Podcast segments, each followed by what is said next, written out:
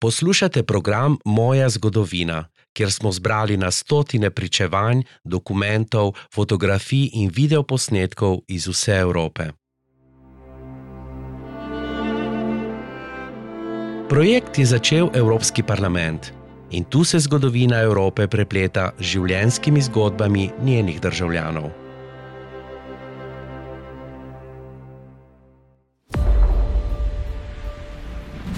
Simțeam că trebuie să luptăm să schimbăm lumea și simțeam că noi putem să schimbăm lumea și că aveam această putere și era extrem de multă revoltă adunată în noi.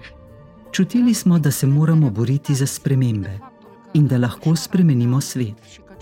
V nas je rasel odpor. Bili smo ogorčeni, da je v tem išvarju več ljudi izgubilo življenje in da nas je Čaušesku hotel vse pomoriti.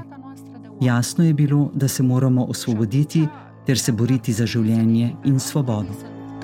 Să fim în viață, trebuie să ne luptăm pentru, pentru libertatea noastră de oameni. Med romunsko revolucijo decembra 1989 se je na cestah zbralo na deset tisoče ljudi. Otilja je dogodke doživela v glavnem mestu Bukarešti.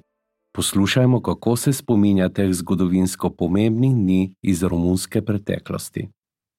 În dimineața zilei de 21 decembrie 1989, orașul era extrem, extrem de gri. 21. decembra 1989 zjutraj je bilo mesto ovito v sivino. Mesto je bilo sivo, vzdušje pa moreče. Vsi smo vedeli, kaj se je zgodilo v tem išvarju, čeprav na televiziji o tem sploh niso poročali. Večer predtem je Čošesku v televizijskem prenosu obsodil horde huliganov, ki želijo uničiti komunizem in spodkopati nacionalno suverenost. Ozračje je bilo izredno napeto in vsi so čutili, da se bo nekaj zgodilo. Se aștepta să se întâmple ceva.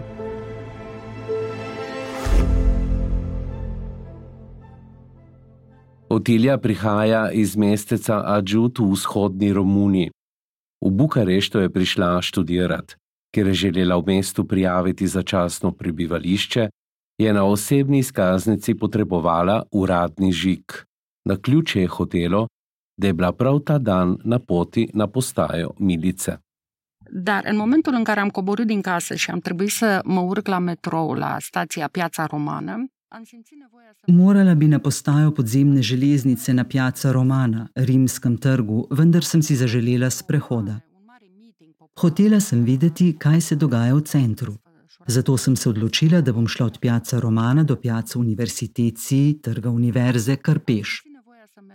Čaušesku je dan predtem obsodil tolpe huliganov v Temišvarju, Na to pa organiziral veliko javno zborovanje na Piazza della Sala Palatului, kjer je palača, oziroma Piazza Revolucijej, kot se imenuje danes. Žalostno je bilo opazovati ljudi, ki so se zbirali. Iz podzemne železnice je prihajalo na tisoče ljudi, zbranih v skupine glede na svoja podjetja in področja dela. V rokah so nosili različne transparente. Na nekaterih so bili napisi naj živi Čaušesku, na drugih podoba njega in njegove žene Elene Čaušesku. Ko sem tako hodila, je v meni vedno bolj urelo. Zakaj ti ljudje nič ne rečejo? V tem išvarju je bilo ubitih več ljudi. Čisto možno je bilo, da nas bo Čaušesku ukazal vse postreliti. Iz tem išvarja nismo imeli veliko novic, vedeli pa smo, da je prišlo do prelivanja krvi. Bukarešta se je zdela kot drug svet. Tukaj je bilo na zborovanjih slišati nepojmljive vzklike. Naj živi Čaušesku, naj živi Elena Čaušesku, naj živi komunizem. Vzdušje je bilo neznosno. Še govoriti nisem mogla, bila sem šokirana. Ti ljudje niso bili dovolj pogumni, da bi se oprli, da bi kaj rekli. A tudi sama nisem imela tega poguma, samo gledala sem jih strmela vanje in jim tako skušala sporočiti, kaj si mislim. Strahopetci, gledajte, kaj počnete. Și încercam să le transmit, sunteți niște lași. Uitați ce faceți acum.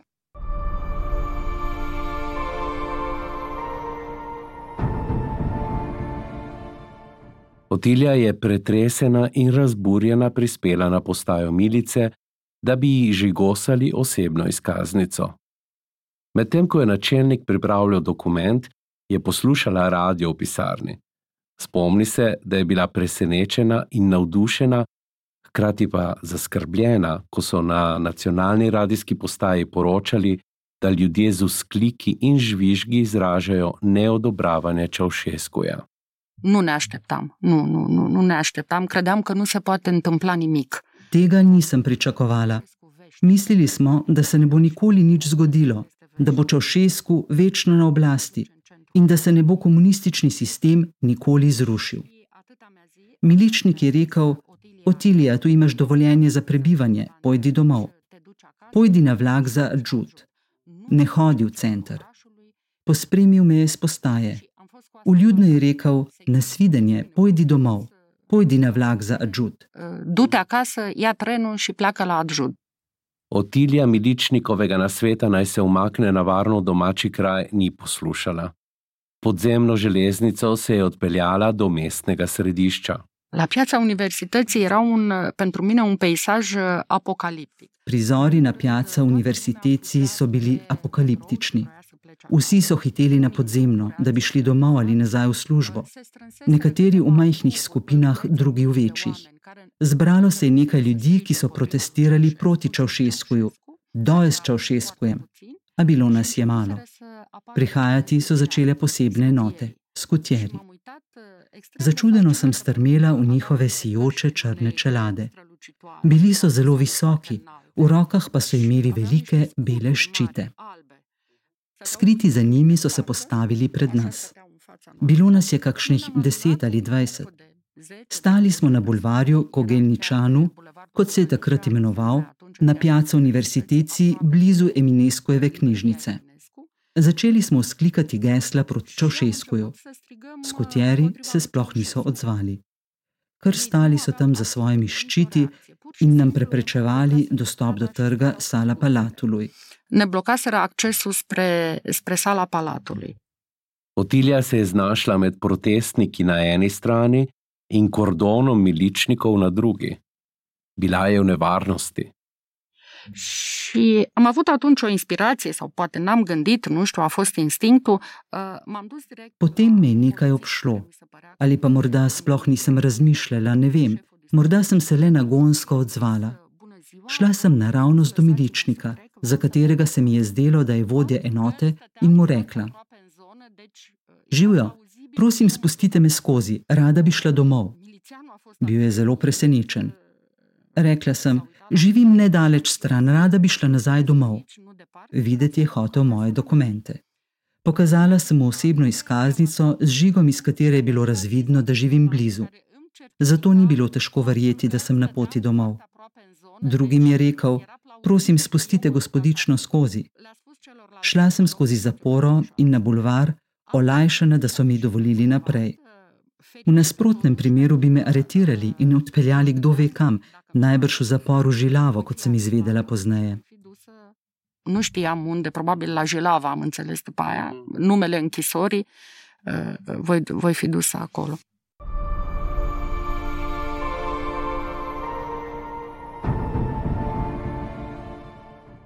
Otilija je nadaljevala pot proti bulvarju Mageru. Pridružila se je drugi skupini protestnikov, ki jih je prav tako obkrožil kordon milice.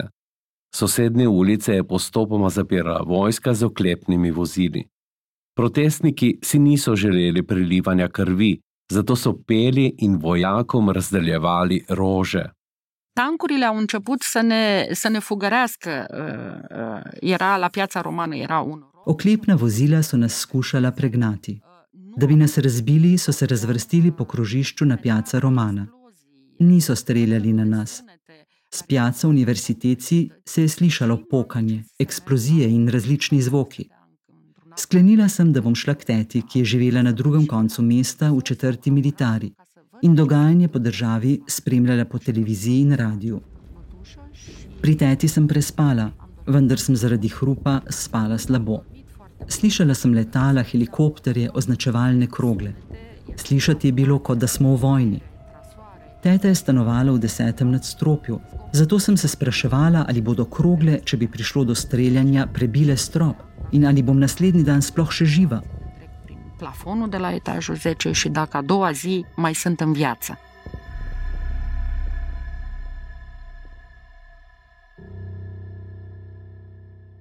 Otilja ni mogla spati, zato je prižgala radio. Toată noaptea am ascultat la Europa Liberă. Vso noč sem poslušala radijsko postajo Radio Europa Libera. Poročali so o dogajanju v Temišvarju in Bukarešti. Tako so tudi mi dve steto izvedeli, da so protestniki na pijaco univerziteci pregnali. Nekaj ljudi so aretirali, drugi so bili ranjeni, bilo je tudi več žrtev. Mene pa je kar dušilo od ogorčenosti, da je Čaušesku še vedno v stavbi centralnega komiteja. Pentru că Ceaușescu încă era, încă era în Comitetul Central. Naslednji dan, 22. decembra 1989, je Otilja zapustila tetino stanovanje. Obljubila ji je, da bo spakirala stvari in se odpeljala k staršem v Adžut. Na podzemni železnici pa je izvedela, da je ministr za obrambo, general Mileja, storil samomor. Și atunci ne-am zis cu toții, gata, ăsta este sfârșitul. Takrat smo si vsi rekli: To je to, to je konec. Danes se bo zgodilo nekaj izjemnega. Čaušesku je v režim bo padel.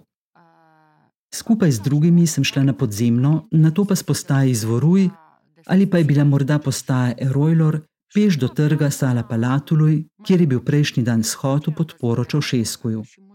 Z vseh koncev mesta je prihajalo vse več ljudi in organiziranih skupin iz drugih podjetij.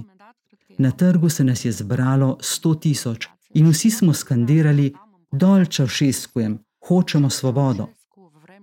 Na neki točki je Čaušesku prišel ven, da bi množico nagovoril prek megafona. Množica je glasno protestirala, zato se je takoj vrnil v stavbo. Și imediat a intrat, a intrat înapoi în clădire. Naenkrat je krike in vzklike preglasil zvok bližajočega se helikopterja. Cred că trecusem dincolo de, de frică. Strah smo verjetno potlačili. Vsaj sama ga nisem občutila. Čutila sem, da se piše zgodovina, da se borim proti Čaušeskuju, da sem močna in da zmorem vse. Pomislila pa sem, da nas bodo, če pridejo z mitraljezi, vse pobili. A iz helikopterja niso pogledale puške, pač pa so iz njega začeli padati letaki. Besedilo je bilo natisnjeno na rumenkast papir, najbrž tisto jutro ali prejšnji večer. Bilo jih je na tisoče. Naslovljeni so bili na študente. Dragi študenti, naj vas ne zavedajo imperialistične interesne skupine. Še naprej smo kričali in protestirali proti Čošeskuju. Vzdušje je bilo neverjetno. Nismo vedeli, ali nas bodo napadli, ustrelili, nad nas prišli stanki, nismo vedeli, ali bomo preživeli ali ne.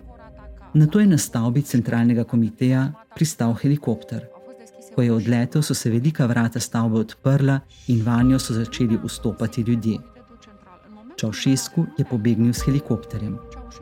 Nekdo je zaklical: Diktator je pobegnil. Cineva ne-a spus, nu știu cine, dictatorul a fugit. Nožica je izbruhnila v sklikih veselja. A fost o explozie extraordinară de bucurie. Veselje je bilo nepopisno. Nikoli v življenju nisem doživela takšnega izbruha veselja in kolektivne sreče. Sama v stavbo centralnega komiteja nisem vstopila, veliko ljudi pa je iz pisarn skozi okna metalo dokumente in mape. Mene to ni zanimalo. Čaušesku je pobegnil, ni me zanimalo, kje je bila njegova pisarna. Ulice po vsem mestu so bile zdaj polne ljudi. Bilo nas je na sto tisoče in vsi smo peli: Ole, ole, Čaušesku je ni več. Și toată lumea cânta Ole, ole, Ceaușescu nu mai e. Tudi za Otiljo je bil to trenutek velike osebne sreče.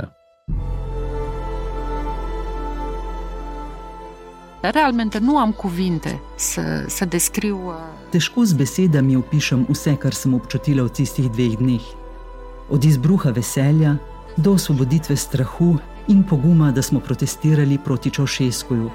Čeprav smo stali pred tanki in kroglami, in nismo vedeli, ali bomo čez pet minut še živi ali pa nas bodo tanki poteptali do smrti.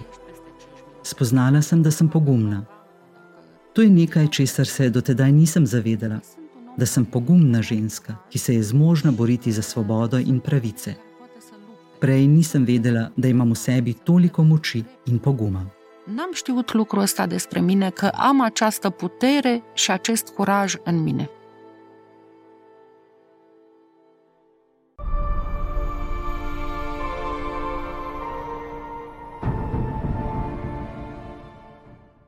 V tistem radostnem trenutku so ljudje začeli razmišljati tudi o prihodnosti. Am avut sentimentul că vom începe o nouă viață. Zdelo se mi je, kot da začenjamo z novim življenjem, da smo preživeli konec sveta, zdaj pa nas čaka drugačna prihodnost, kjer je svoboda nekaj oprijemljivega, ne več le ideal iz knjig o zgodovini. Sami smo ustvarili to svobodo, v kateri bomo zdaj živeli. To je bil izjemen občutek in vesela sem bila, da imam priložnost začeti novo življenje. Am privilegiul ăsta de a începe o nouă viață.